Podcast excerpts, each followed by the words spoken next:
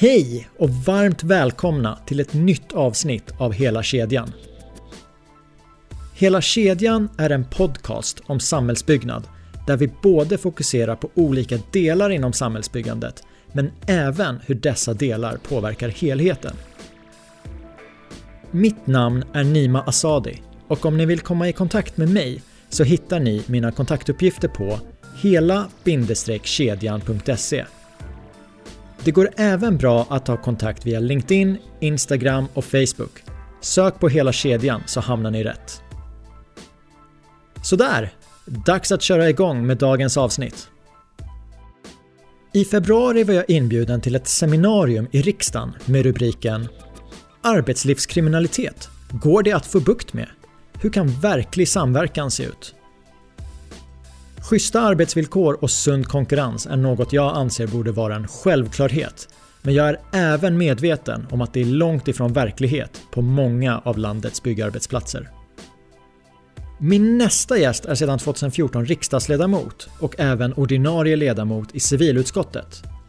Han har en bakgrund som snickare samt i olika roller inom Byggnads. Vi pratar om situationen i dagens byggbransch och resonerar kring vilket ansvar som ligger på politiken. Ett riktigt bra samtal med en person som både har nära band till byggbranschen men som även vet hur det funkar inom politiken. Och seminariet som jag nämnde i inledningen, där var han en av initiativtagarna.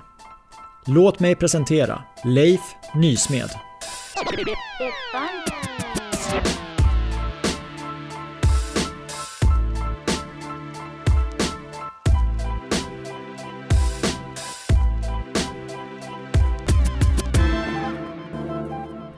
Varmt välkommen till podden Leif. Tack ska du ha. Vi sitter i ditt kontor i Cefallushuset där eh, du har suttit sedan 2014. Det stämmer bra det. Jag kommer in. Eh, jag är tjänstledig ombudsman från eh, Byggnads Stockholm Gotland. Så att jag har jobbat fackligt under många år, sedan 2000 och innan dess har jag varit träarbetare i både stora och små byggföretag sedan 89. Men sedan 2014 så sitter jag här i riksdagen som ledamot för Socialdemokraterna. Så snickarbakgrund. Yes. Började engagera dig i facket, Byggnads. Början av 90-talet, 91, 92 tror jag fick mitt första uppdrag. Vad hade du för drivkrafter? Hur kommer det sig att du hoppade på det? Jag kommer från en familj som eh, varit både fackligt och politiskt aktiva inom socialdemokratin och inom Byggnads. Eh, så det ligger väl lite grann naturligt där men eh, också en vilja att förändra och förbättra. Och I början av 90-talet så var det ju också Eh, Eh, den stora byggkrisen eh, när byggena stannade upp. Eh, och precis som då lärling så ville man ju ha en framtid och bygga hus och då började jag engagera mig. Och, eh, just utifrån de arbetsrättsliga delarna men också utifrån att man får igång politiken och komma igång med bostadsbyggande igen så man kunde ha jobb för framtiden också. Så det är väl lite grann grunden till både mitt fackliga och politiska engagemang. När jag bjöd in dig till den här podden så skrev jag att, eh, eller jag undrade om du var intresserad av att prata om sund byggbransch. Och då tänker yep. jag att eh, du har ju många år i byggbranschen. Du är tjänstledig från ett jobb kopplat till byggbranschen. Yep. Hur skulle du beskriva läget i byggbranschen idag? Mycket problematisk. Utveckla. Om jag tittar på de många bolag som finns så ser man att man minskar den egna personalen till fördel för fler och fler underentreprenörer.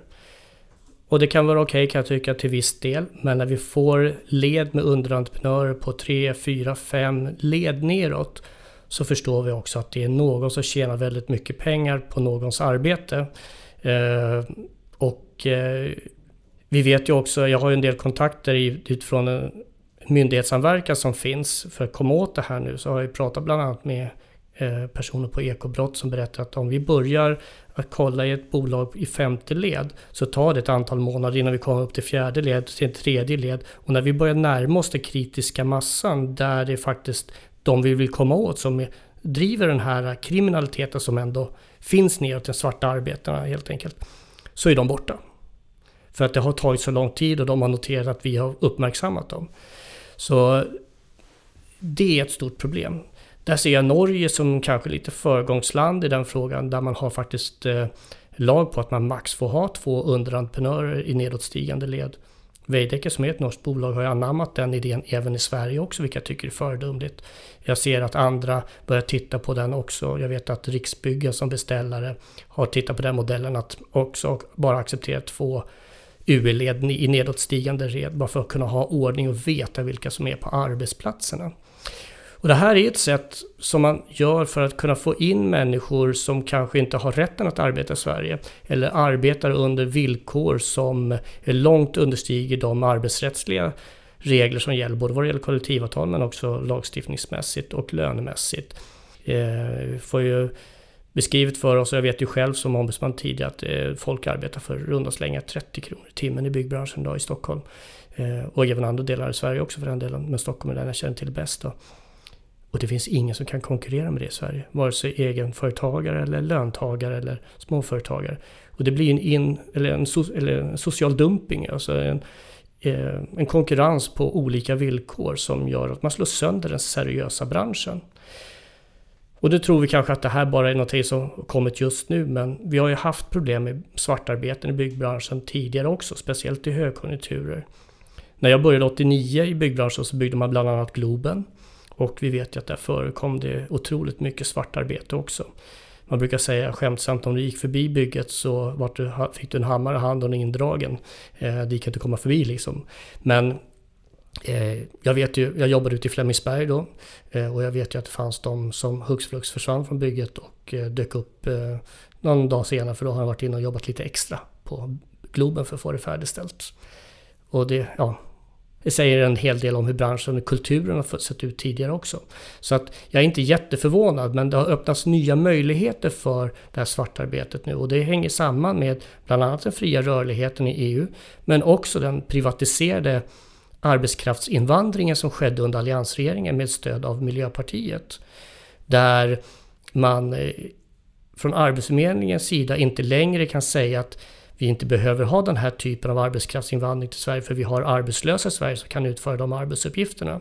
För idag så är det som så att en arbetsgivare söker arbetskraft 10 dagar på Arbetsförmedlingens hemsida eh, och därefter kan man gå till Migrationsverket och säga att vi har inte hittat några i hela, hela Europa som har den eh, kompetensen för att göra de här arbetena. Vilket innebär att det springer eh, usbeker idag och städar på Svenska köpcentrum exempelvis.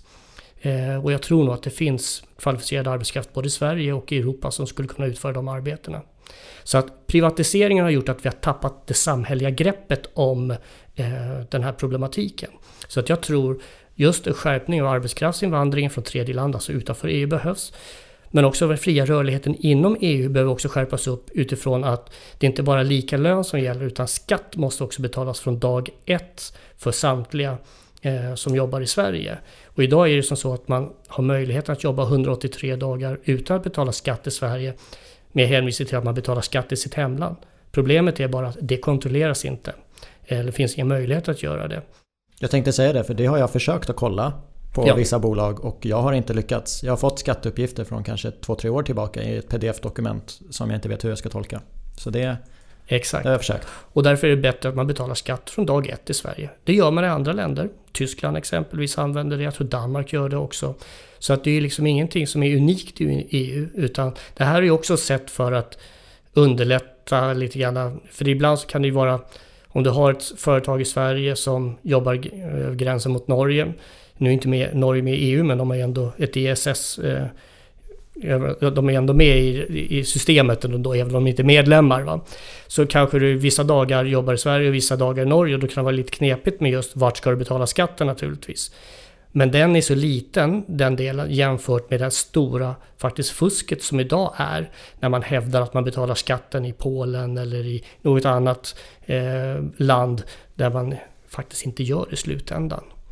Så att då blir det också en, en, konkurrens på olika villkor som slår ut de seriösa bolagen som vill göra rätt för sig. Och idag så inser vi i coronakrisen att det är bra att vi har betalat in skatt till vårt samhälle som ändå gör att vi har ett starkt samhälle som kan stötta nu när det blir en ekonomisk kris. Så att jag hoppas att skattemoralen blir betydligt mycket bättre efter den här krisen också. Vi får se. Jag hoppas det. Jag är optimist. Du nämnde två saker som jag tänkte bara att jag har noterat dem och så tar vi ja. dem senare. Och det ena var ju egna yrkesarbetare kontra underentreprenörer. För det finns nog en del bolag som inte håller med om att det måste vara fusk om man är underentreprenörer. Men vi återkommer till den. Yep. Och sen så nämnde du även privatiseringen. Yep. Dens inverkan. Och det kommer vi också tillbaka till. Gärna. Men innan vi gör det. Vi spelar in det här avsnittet i mitten på mars. I mitten på februari var jag inbjuden till ett seminarium där du stod som arrangör. Eh, seminariet, ja, seminariet hade ju rubriken Arbetslivskriminalitet. Går det att få bukt med? Hur kan verklig samverkan se ut? Och då undrar jag, varför bjöd du in till det? Utifrån att vi eh, ser den här verkligheten ute på, arbetsmark eh, på arbetsmarknaden totalt i Sverige. Eh, och det är inte bara inom byggbranschen, men byggbranschen är en väldigt hårt ansatt bransch.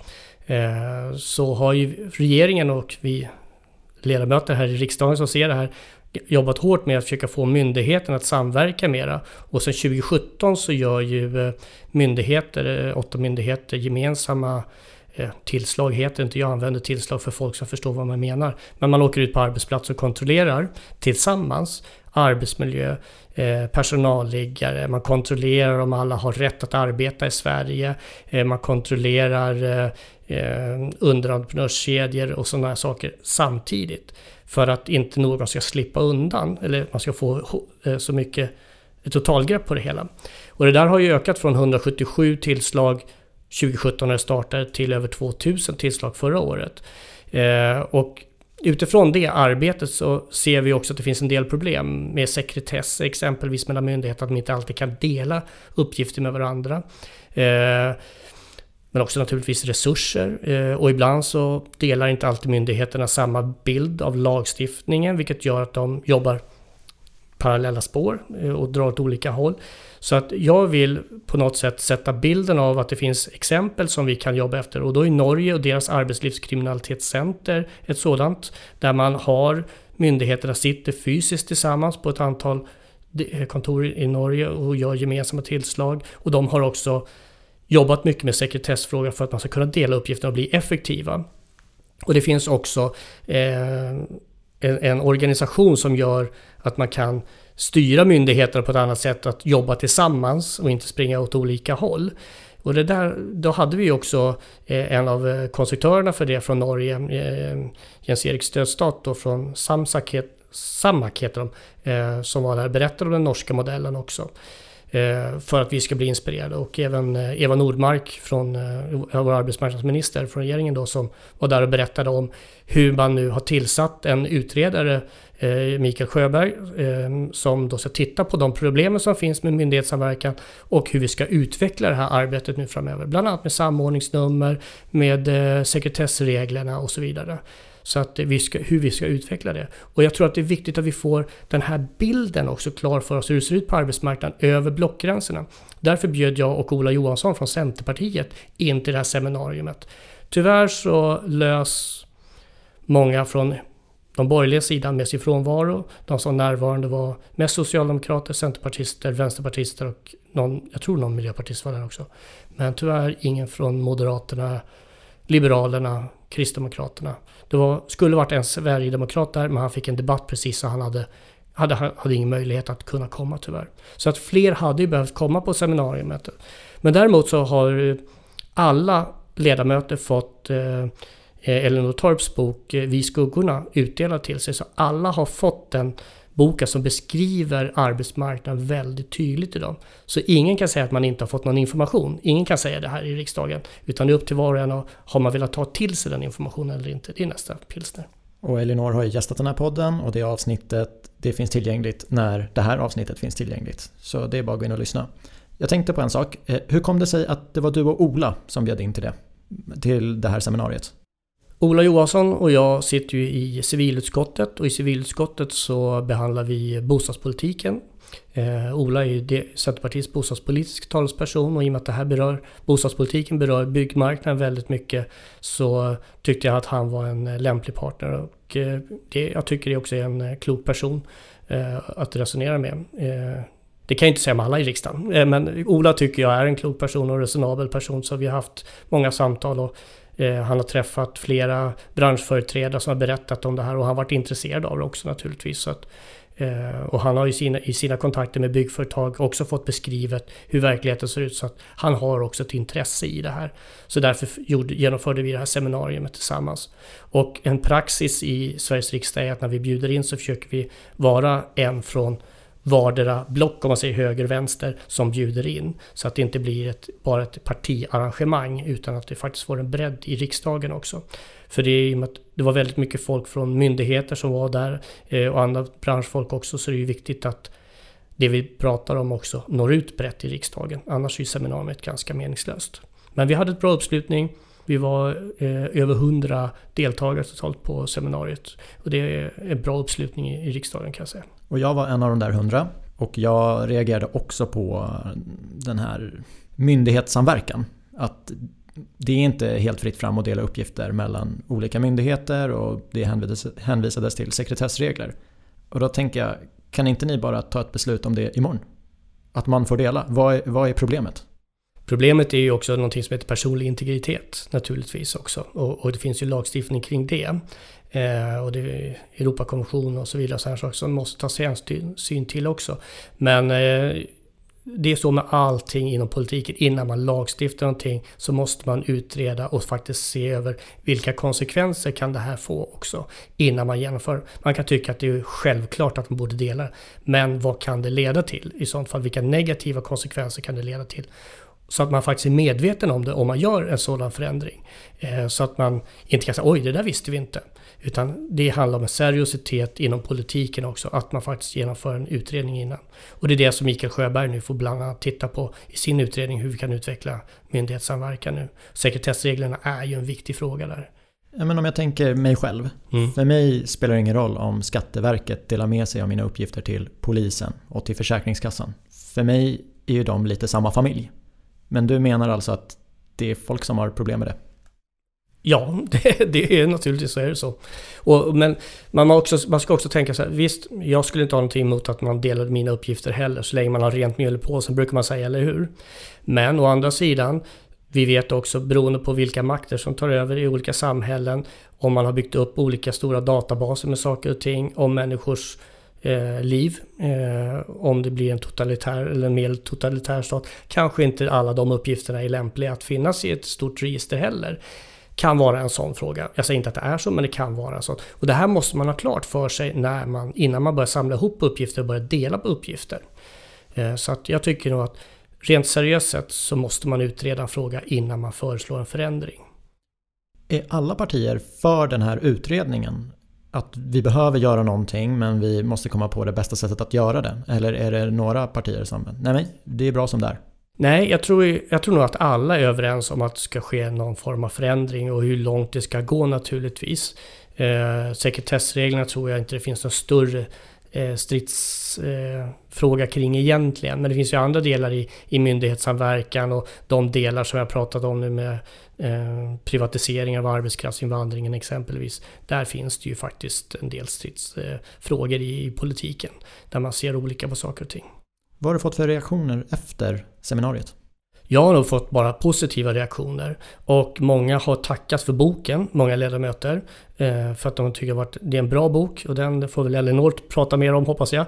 Eh, men annars så säger jag att Vi skuggorna av Elinor Torp är väldigt läsvärd om man vill ha mer insikt om hur eh, en del av arbetsmarknaden fungerar i verkligheten.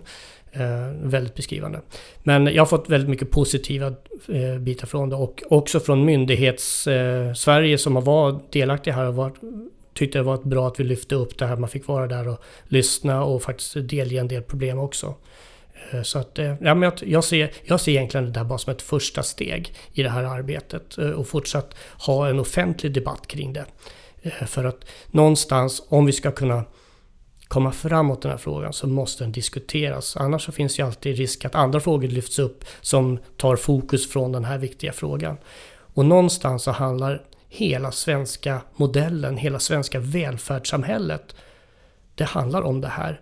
För att om vi inte har en sund arbetsmarknad där löntagare och företagare, företagare betalar in skatt efter, eh, efter eh, bärkraft så, så får vi inte in skattemedel som kan finansiera den svenska välfärden. Så enkelt är det. Konkurreras de ut av löntagare och andra företag som inte betalar skatt i Sverige så har vi inga pengar till polisen, vi har inga pengar till vägar, vi har inga pengar till sjukvården, vi har inga pengar att fördela. Och då har hela den svenska modellen och hela svenska välfärdssystemet raserats. Så det är helt avgörande att det här fungerar. Ett citat från avsnittet med Elinor är myndigheterna har ingen koll på arbetslivskriminella. Håller du med? Nej, det gör jag inte. Jag håller inte med. Eh, däremot så kan man få en bättre kontroll och det är viktigt att myndigheterna kan delge de uppgifter de har. För att idag så sitter Skatteverket på en del uppgifter som exempelvis andra borde ha tillgång till när de ska göra de här tillslagen eller besöken på arbetsplatserna helt enkelt. Att skattemyndigheten säger det här tycker vi är intressant utifrån det här perspektivet, den arbetsplatsen borde vi besöka. Det kan de inte säga idag. Så att myndigheterna har koll på väldigt många som är ute på arbetsmarknaden. Inte alla, men väldigt många. Men just sekretessproblematiken hindrar att använda sig av den kontrollen eller kollen på, på de som de känner till idag. Va? Så att eh, det måste ske en förändring där naturligtvis. Men att säga att de inte har koll, det är felaktigt. Men däremot kan man få mera koll och man kan få en effektivare koll. Om man är en seriös entreprenör eller beställare och verkligen vill dra sitt strå till stacken. Vad, vad har du för tips? Vad ska man göra? Det allra enklaste är att ha egen personal. Då vet du vilka du är har på arbetsplatsen. Du vet, om du, du vet att du betalar in skatten till Skatteverket, eller hur? Så fort du börjar överlåta sånt här åt andra så tappar du kontrollen. Och ju fler underentreprenörskedjor du har i led, eller under, under, underentreprenörsled så förlorar du mer och mer och mer kontroll. Och det är ju allmänt känt att börjar leden bli en 4-5 neråt så finns det också en gråzon i det där. Där det fifflas en hel del och du har som beställare ingen koll. Du har inte det, det kan jag garantera. Eh, det gjordes ju en undersökning här nu bara i, veckan på, av eh, Stockholmshem med flera som ändå jobbar ganska hårt med att kontrollera underentreprenörer. Eh, de gjorde kontroll på sina arbetsplatser och var det en arbetsplats av 16 eller 18 där man kunde konstatera att man hade full koll på vilka som var på arbetsplatsen. Alla andra hade brister. Och då ska vi veta att de här företagen ligger ju ganska hårt åt sina underentreprenörer. Och då kan du tänka dig hur det ser ut på andra företag och andra arbetsplatser där man inte har den kontrollen som man har på exempelvis Stockholmshem. Kom, där kommer ju siffran vara än värre om man gör en sån här kontroll. Så att eh, ska du ha kontroll på vilka du har på arbetsplatsen. Ett, egen personal är det absolut säkraste sättet att veta det. Andra, steg två, det är att ha så få underentreprenörer som möjligt. Norge har ju lagstiftat om att ha max två underentreprenörsled neråt. Och det är just för att man ska ha kontroll på vilka som är på arbetsplatserna. Begränsa antalet underentreprenörer, det är ett första steg. Och försöka ha egen personal i möjligaste mån själv. Det jag tänker är att på en byggarbetsplats så behövs det olika yrkeskategorier. Specialister inom olika områden. Så det finns väl en förståelse för att man kanske inte kan ha alla de här yrkeskategorierna under ett och samma paraply man kommer behöva... Men det är ju inte sant riktigt heller. Inte? Nej, för man har ju styckat upp jobben. När jag utbildade mig till byggnadsarbetare, nu låter det som jag 100 år, men det var ju 1989. Då byggde jag, satte jag under tak, jag la golv, jag satte kök, jag gjorde alla jobben som... Eh, var ju, jag håller på med mycket med eh, eh, stomkomplettering och inredningsjobb. Eh, men jag lärde mig allting på bygget, eller som hade med träarbete att göra. Idag så har vi ju styckat upp det. Vi har ju un, eller undertaksmontörer, du har golvläggare, du har de som specialister på bara sätta socklar och lister och sätta kök och alltihopa.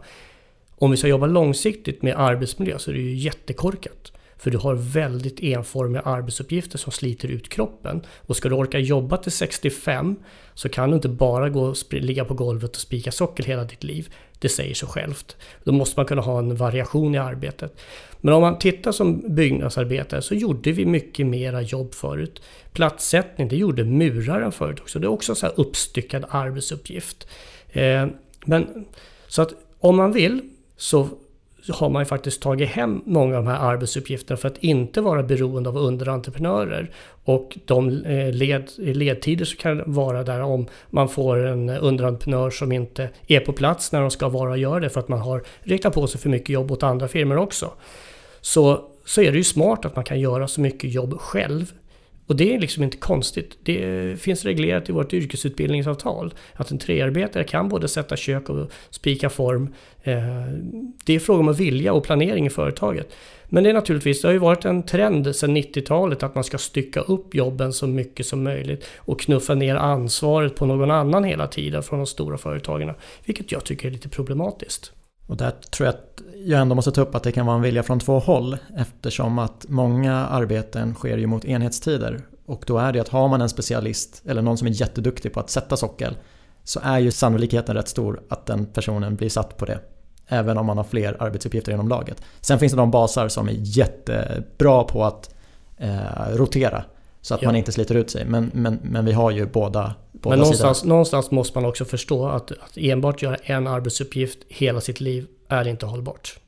Jag håller med dig. Hade jag varit mm. arbetsledare, det bästa som finns är ju en person mm. som kan göra fler saker. Mm. För folk blir sjuka. Ja. Eh, och jag ser, jag ser ju gärna att man skulle utifrån det renoveringsbehov som finns i många av våra miljonprogramsområden idag, att vi kunde utbilda kanske lite mera multihantverkare. Eh, Tack, jag hade det på tungan. Ja, jag tänkte nej, säga jag tycker det. Ja. det måste ju vara smart. För det första som löntagare, visst kan man tycka att nej, jag ska inte göra någon platssättarjobb om jag är trearbetare. Men du är ju så mycket mera allround och du är ju mer anställningsbar. Är mer, alltså, alltså, ju mer du kan desto bättre är det ju. Alltså, kunskap är ju makt på ett sätt. Att vara väldigt slimmad och bara kunna en sak, det gör dig väldigt sårbar. Speciellt i en lågkonjunktur. Om just den delen som du sysslar med då försvinner. För arbeten utvecklas ju hela tiden. Och är inte du med och utvecklas, ja då kommer du ju inte vara en vinnare i framtiden. Jag håller med. Och nu har vi målat upp det här scenariot att det faktiskt går att ha anställda som utför olika aktiviteter. Eh, men vi tänker det andra scenariot, att du vill anlita underentreprenörer men du vill göra rätt för dig. Jag gick in på byggföretagens hemsida, gamla Sveriges byggindustrier. Och där finns det en broschyr där det står Råd och tips vid anlitande av underentreprenör. Och det står, eh, det är ganska många sidor. Eller ja, det är sex sidor, det är inte så många. Nej, inte så många. Nej, men på sista sidan så står det så här. Och mer information kan du få av Arbetsmiljöverket, Bolagsverket, Ekobrottsmyndigheten, Kronofogden, Skatteverket och byggföretagen. Och jag nämnde för dig att det är ganska många och du sa att ja, men den här listan är ju inte ens komplett. Varför är det så svårt att göra rätt? Ska det behöva vara så? Nej, jag tycker inte att det ska vara svårt att göra rätt och därför tror jag för det första att myndighetssamverkan måste eh, samordnas på något sätt så att man kan få en samlad information från alla myndigheter. För några myndigheter som du saknar är bland annat Försäkringskassan som har hand om A1-intygen som du måste ha med dig om du kommer som EU-medborgare och jobbar i Sverige. Eh, och där finns, förekommer otroligt mycket Eh, Eh, förfalskningar idag. Och så det är svårt för en arbetsgivare att se om det är korrekt eller inte. Och då måste man någonstans kunna få det verifierat. Va? Och det måste ju finnas någonstans, även, även om du får ett, har, kommer en person med ett arbetstillstånd som Migrationsverket har utfärdat så måste du kunna verifiera det också. Bara för att du har ett arbetstillstånd i Sverige betyder det inte att du får jobba vart du vill. Utan arbetstillståndet är ju knutet till ett företag eller till en arbetsplats. Eh, det betyder inte att om du har fått ett arbetstillstånd och jobbar på ett lager ute i någon Eh, Ehm, ja, på Coop eller något sånt där betyder inte att du får stå på ett bygge och spika. För det har du inte fått arbetstillstånd för. Ehm, men det förekommer sådana eh, fall idag, rätt många sådana. Ehm, så att någonstans måste det finnas en samlad information från myndigheterna och det borde ligga i den här myndighetssamverkan, i den utvecklingen, man ska kunna hitta en sådan kontrollfunktion. Men sen återigen, alltså, är man osäker? Ja, men alltså enda sättet att vara säker på det är att se till att du har egen personal eh, eller minska antalet UE helt enkelt i den omfattningen att du får en bättre kontroll på vilka som är på arbetsplatsen. Sen måste du ju faktiskt kontrollera vilka som är på arbetsplatsen dagligen. Det, det går liksom, alltså, du äger ju arbetsplatsen. Det är ingen annan som gör det. Det är inte Skatteverket, det är inte gränspolisen, det är ingen annan som gör det. Det är ju du som beställare som äger arbetsplatsen eller huvudentreprenör som äger arbetsplatsen. Och då måste du ha kontrollen där. Och då måste du fundera på vilka resurser måste jag avsätta för det? För att det inte dyker upp bara för att du har anlitat en US och säger jag skickar dit tre man. Men då ska du veta vilka de där tre mannen är. Och står det högst flux fem man där en dag, då måste du veta vilka de andra två är. Och då måste du kontrollera det. Och, och det där är ju ett jättejobb egentligen. Va? Men det där slarvas otroligt mycket med. Jag kan säga att jag var ute för två veckor sedan på ett arbetsplatsbesök på ett, en stor svensk byggföretag ska inte hänga ut dem här nu. Skulle vilja, men jag tänker inte göra det. Men eh, där man då har svårt att stängsla in arbetsplatsen i och med att det går en allmän väg rakt igenom. Eh, och, eh, men då har man gett upp kontrollen på den, i den, eh, det punkthuset där man har då sålt ut gips och eh, inredningsarbeten till underentreprenörer. Man, man orkar inte gå dit och kontrollera. För ibland står det fem ryssar där, ibland står det tio ryssar där. Och det där är ju helt anmärkningsvärt, att man tillåter det själv. För då vet man ju att nu släpper vi igenom fusket här. Ja, det låter ju inte Och det är alls ett bra. stort byggföretag. Ja, och det, det låter ju helt otroligt med tanke på att alla stora byggföretag pratar om hur bra de är. Så låter ju det inte alls bra. Men jag tänker även om jag har koll på vilka som är på mitt bygge så är det ju ett jättejobb om jag ska behöva kolla hos olika myndigheter. Mm. Och sen är inte jag säker på vilka uppgifter jag får ut om det råder sekretessregler. Nej, så är det också naturligtvis. Och du pratar om en övergripande funktion och jag skulle bli jätteglad om man kunde få en, en lista med åtta gröna pluppar. Att den här personen är grön på de här, Ja, hos de här ja. myndigheterna. Den här övergripande funktionen, hur skulle den kunna se ut? Och hur långt borta? Nu blir det spekulationer men vi får ju måla upp ett, ett framtidsscenario nu. Hur kommer det se ut? Oj, det där var en svår fråga. Men där tror jag att vi måste titta lite grann på hur våra grannländer jobbar. Finland har ju också en modell hur man, innan man får komma ut på arbetsplatser. Vi har ju en modell där det gäller bland annat det här med om du kommer som EU-medborgare e så ska du anmäla till ett utstationeringsregister på Arbetsmiljöverket. Men du har fem dagar på att göra det. Och jag förstår inte varför du ska ha fem dagar för. För det är inte som så att du vaknar upp i, eh, i Österrike och tänker, eh, eller eh, säg Frankrike och säger nu åker jag till Sverige och jobbar. Utan du har ju planerat det va. Och då borde man ju se till att man har anmält sig innan man får beträda arbetsplatsen till att börja med tycker jag va. Och det, det registret, det borde ju så, det borde vara enkelt. Och har du inte det godkänt att du har anmält dig, ja, då borde du inte få kliva in överhuvudtaget. Idag så kan man hävda att jag ska anmäla men jag kom precis och så vidare. Så att det finns ju massa så här undantag. Och jag menar någonstans, det här, alltså det är det knepiga att då när A1-intygen ligger på Försäkringskassan, utstationeringsregistret ligger på Arbetsmiljöverket, eh, arbetstillstånden ligger på Migrationsverket.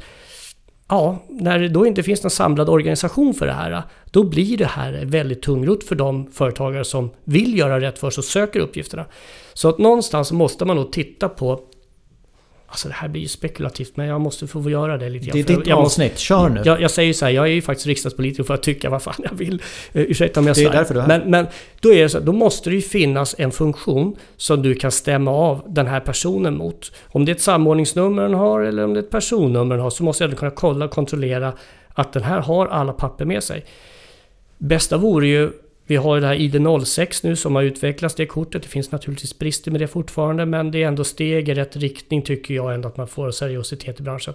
Men när man har fått den här brickan så skulle man ju kunna läsa av att den har de papper godkända, kontrollerade mot myndigheterna i sådant fall. Du har ett arbetstillstånd om du kommer från tredje land.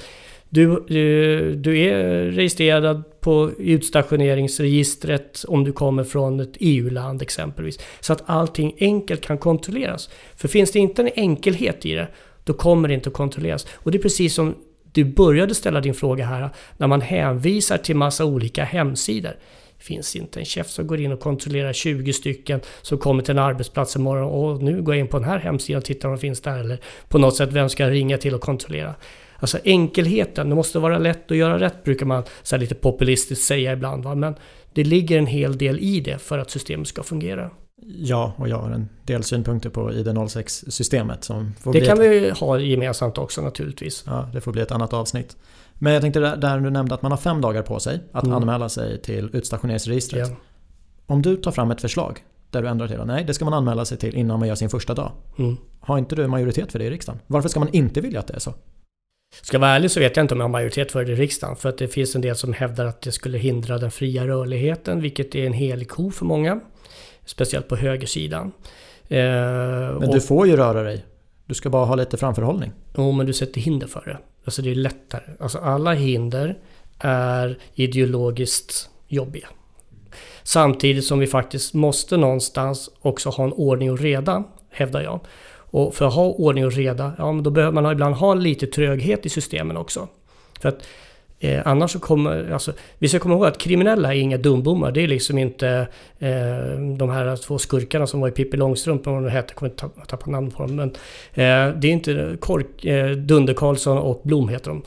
Eh, det är inte de som är skurkarna utan det här är ju faktiskt väldigt smarta personer som har kontrollerat och kon- kollat vart kan vi vara, vart kan vi tjäna pengar någonstans. Och det är det här hela tiden, jag tror inte vi kan få bort all kriminalitet, men vi ska ju hela tiden göra det så svårt som möjligt att vara kriminell. För vi får ju aldrig ge upp kampen. För någonstans så tror ju vi på ett samhälle som bygger på hederlighet. För det är så vi finansierar det svenska välfärdssamhället. Liksom att man är hederlig, man betalar sin skatt, man sköter sig, man har schyssta arbetsvillkor, vi har en dräglig arbetsmiljö som gör att vi kan jobba till pension och kan kunna gå i pension sen. För att vi har haft arbetsgivare som betalat in pensionspengar så att man kan leva ett gott liv därefter. Ja, finns det synpunkter på det också naturligtvis, vi kan göra bättre. Men bortsett från det, men att det finns den här hederligheten. Det innebär ju att vi får ju aldrig ge upp kampen mot de här kriminella som hela tiden letar efter de här kryphålen i systemen hela tiden. Och då måste det också finnas trögheter i systemet för att hindra kriminella att kunna hitta de här delarna. Och det är klart, det hindrar en del rörlighet naturligtvis. Men jag kan tycka att det är värt det ibland. Under det här seminariet så kom det upp några förslag, eller det bollades med en panel. Ja. Och då hörde jag att det var någon politiker, nu vet inte jag partitillhörighet, det kanske är irrelevant. Men han gillade det inte eftersom att om vi inför någonting för en byggarbetsplats som vi vet kommer hjälpa. Så i hans scenario så är vi tvungna att göra samma sak på en bondgård. Att det är arbetsplats som arbetsplats. Kan man inte skilja på sånt? Det kan man faktiskt göra, för i lagstiftningen under förra mandatperioden så införde vi huvudentreprenörsansvar för bygg och anläggningsbranschen. Så det går att göra om man ser den möjligheten. Så att ibland så handlar det om politisk vilja. Och ibland så använder man en del skräckexempel just för att inte genomföra nödvändiga eh, åtgärder också. Eh, men eh, ja, det är den här fria rörligheten ibland som är en ideologisk skygglapp för en del. Va? För mig så, alltså, jag har ingenting emot att människor kan röra sig fritt. Men man ska göra det på schyssta villkor. Och det ska, i Sverige ska svenska regler gälla. Jag tycker inte det är okej okay för en, eller en tysk bilist att komma upp till Sverige och köra med fri hastighet på motorvägar för att det är fri hastighet på autobahn. På samma sätt som jag inte tycker att lettiska löner ska gälla i Sverige. För i Sverige ska svenska löner gälla. Jag tycker någonstans att nationella lagstiftningen är viktig och den nationella modellen som vi har med kollektivavtal är bra och den ska efterlevas. För någonting som inte är önskvärt egentligen om man tittar Eh, så det är ju att släppa kollektivavtalsmodellen som vi har i Sverige där vi har branschanpassade regelverk. Det är ju smart att det är olika regler för en läkare och en byggnadsarbetare, för det är två skilda arbetsmarknader. Om vi bara skulle ha lagstiftning, ja men då blir det ju väldigt fyrkantigt. Istället för att parterna på arbetsmarknaden tar ansvar för sin bransch. Därför tycker jag det är smart med kollektivavtal där man gör de här branschanpassade avtalen. Så att eh, och det där är en viktig modell för mig att värna och eh, vad ska man säga? Då krävs det också att det finns en trögrörlighet för att inte slå sönder de här modellerna. Men om vi tar riksdagen, som jag uppfattar det så finns det en del olika ideologier. Mm. För om vi börjar förändra saker så kanske de påverkas olika mycket. Ja. Men är vi överens om nuläget att vi behöver städa upp i branschen? Men att vi vill göra det på olika sätt? Att städa upp i branschen tror jag alla är intresserade av på något sätt. Sen så, eh, ja, det finns en del ideologiska eh, skiljelinjer, det är det ju naturligtvis. Vad det gäller den fria rörligheten, så jag pratade om den här privatiseringen av eh, arbetskraftsinvandringen som skedde under alliansregeringen med stöd av Miljöpartiet, är faktiskt en väldigt ideologisk förblindad del. Vi ser i januariavtalet att Centerpartiet fick in en tydlig skrivning om att vi inte skulle skärpa arbetskraftsreglerna, arbetskraftsinvandringsreglerna. Eh, Moderaterna vill inte ta bort företagens möjlighet att själva bestämma hur stor eh, arbetskraftsbristen är inom ett område. Utan de vill fortfarande att företagen ska bestämma om det är en arbetskraftsbrist eller inte. Det ska inte eh, Arbetsförmedlingen lägga sig i. Tidigare så var det ju så att då hade ju Arbetsmiljöverk, eh, Arbetsförmedlingen ändå en eh, koll på hur stor arbetslösheten var inom ett yrke. Kom en arbetsgivare och sa att jag vill ta in eh, eh, byggnadsarbetare av den här kategorin till Sverige så kunde då Arbetsförmedlingen efter kontroll med parterna på arbetsmarknaden säga att nej, det, det finns både arbetslösa byggnadsarbetare som skulle kunna ta det här jobbet i första hand och därför säger man nej. Det nejet är borttaget och det är ju för att arbetsgivarna ensidigt ska kunna bestämma om det är en arbetskraftsbrist eller inte. Och det där är ju, där är ju en skiljelinje mellan oss och eh, de högerpartierna kan jag säga. I inledningen när vi pratade om behovet så nämnde du att man lägger ut en annons hos Arbetsförmedlingen. Ja, 10 dagar. Och 10 dagar. Mm. Om vi höjer den gränsen från 10 dagar till 30, spelar det någon roll eller är det det blir bara en chimär. Ut, utmaningen är ja. att det finns ingen myndighet som kan säga så här, nej men hallå. Det måste, det, det, måste, det måste också kunna sägas nej också. För att om du säger, lägger ut till 30 dagar så spelar ju inte det någon roll. Om du har bestämt dig för att du ska hit 10 speker som ska jobba under ganska tuffa villkor kan vi väl säga. Eh, så, så spelar det ingen roll om du väntar 10 eller 30 dagar. För du kommer ju hävda att du hittar inga inom Europa ändå. För du vill ju ha de personerna som är i en utsatt situation som accepterar dina villkor. För de här villkoren som vi pratar om, alltså vi pratar om 30 kronor timmen om man får betalt.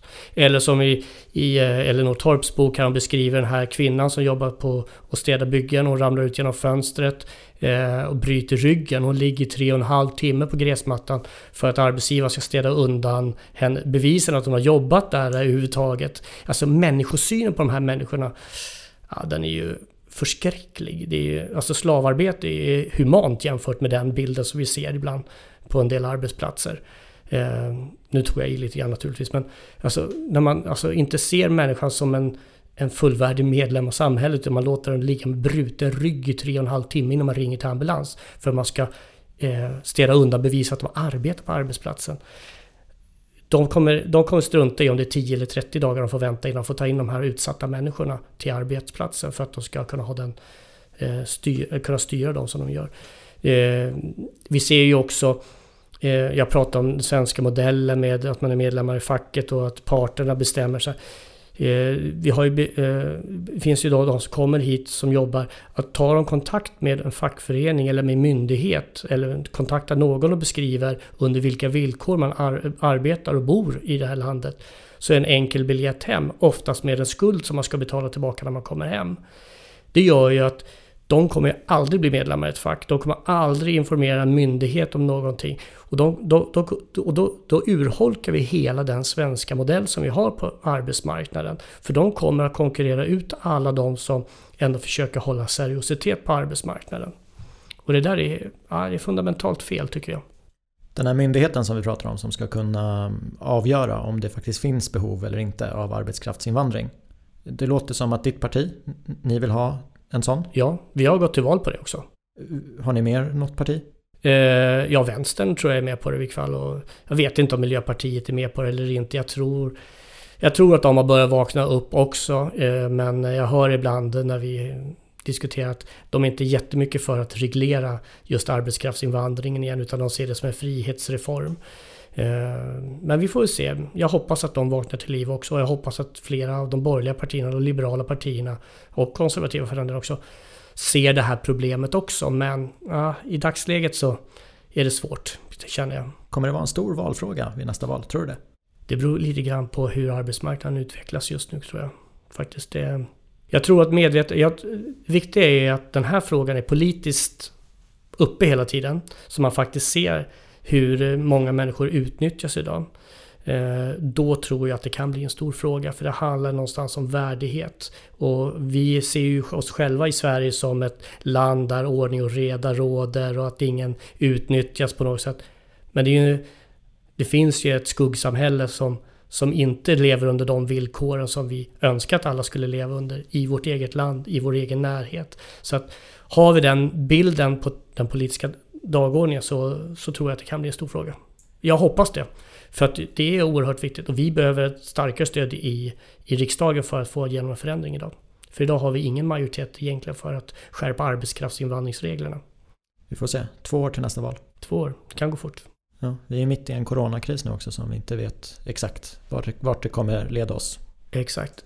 Jag tänkte på en sak där, just bara slog mig. Eh, Claes Eklund som var på Agenda i söndags pratade om att eh, USA har problem med coronakrisen nu utifrån att det är så stor illegal arbetskraftsinvandring där. Men vi har ju faktiskt ett ganska stort problem i Sverige också som vi inte pratar om när vi diskuterar arbetsmarknadsfrågorna idag gäller coronakrisen. Vi säger nu att vi lyfter bort sjuklöneansvar från arbetsgivare och att karensdagar är borta. De här människorna som jobbar i skuggsamhället, de berörs inte av det. Det är knappt de får lön när de arbetar. De lär ju definitivt inte få någon lön om de blir sjuka. Så att vi har ett problem på svensk arbetsmarknad vad det gäller den frågan också. Och det kommer ju synas inom den närmsta tiden, ja. tänker jag. Jag vet inte om du kommer ihåg det, men när du fick ju avsluta det här seminariet och då, då sa du något i stil med Kan ni gå hem nu så att vi kan börja jobba? Nu har det gått en månad sedan seminariet, så jag undrar vad har du fokuserat på och vad kommer du att fokusera på framåt?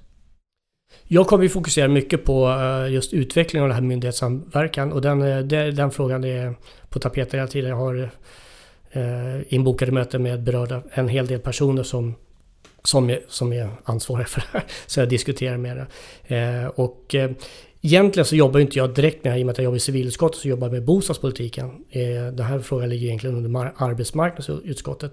Men eh, jag har goda kontakter både med mina kamrater i arbetsmarknadsutskottet men också med regeringen. Men också myndighetspersoner som jobbar med de här frågorna. Så att jag driver på det här ganska kraftigt och det är inte ensam om att göra. Vi är flera som jobbar med de här frågorna. Eh, så det är det som jag gör. Sen så för mig så är det viktigt också att hålla den här frågan uppe på den politiska dagordningen. Och jag försöker lyfta, via de sociala medier som jag använder mig av, Twitter och, och Facebook, jag försöker hela tiden lyfta upp de problem som dyker upp på arbetsmarknaden, de lösningar som dyker upp också. För det finns ju en del som jobbar med att försöka lösa saker och ting också. Både inom politiken men också inom branschen. Så att eh, jag försöker vara aktiv så mycket jag kan i den här frågan. Jag definitivt släpper jag den inte. För att eh, nej, det ligger mig för nära hjärtat om jag säger så för att släppa kan jag säga. Även om det är bostadspolitik som jag borde ägna mesta delen åt kanske. Men i och med din bakgrund på Byggnads så tänker jag att du har väldigt mycket kontakt där. Så ja. Men även andra fack också. Vad har du för kontakt med byggföretagen? Jag har mycket kontakter med dem också och speciellt de kontakter jag byggde upp som ombudsman en gång i tiden när jag satt och förhandlade med eh, olika företag. Både små och medelstora men också de stora också naturligtvis. Men jag har faktiskt riktat in mig väldigt mycket på att bibehålla kontakter med små och medelstora företag även efter jag kom in 2014. Just ett, för att jag vill veta lite grann hur eh, byggbranschen utvecklas bostadspolitiskt. Vad man ser för problem med att finansiera naturligtvis. Men också hur arbetsmarknaden fungerar. Eh, jag har också väldigt mycket kontakter med eh, fackliga förtroendemän som jobbar i de olika företagen. Senast träffade jag Peabs, eh, en av deras MB-ledamöter och medbestämmandeledamöter. Det motsvarar till klubbar om man inte förstår hur byggbranschen är organiserad. Men som berättar lite grann om de uppsägningar som nu varslas i företaget och hur man ehm, faktiskt minskar den egna personalen till fördel för underentreprenörer. Vilket är det, ett scenario som inte jag tycker är så spännande utan jag vill ju se en motsats effekt egentligen. Men då gäller det att vi ser till att vi får bort den här osunda konkurrensen. Där man inte betalar skatter eller betalar schyssta löner. Så att man kan vara konkurrenskraftig. Du är inte med i arbetsmarknadsutskottet men jag skulle säga att du är väldigt väl insatt. Ja, jag, jag skulle nog vilja påstå att det är det. Utan att ta i allt för mycket. Jag skulle vilja tacka för att jag fick komma till ditt kontor och prata om det här.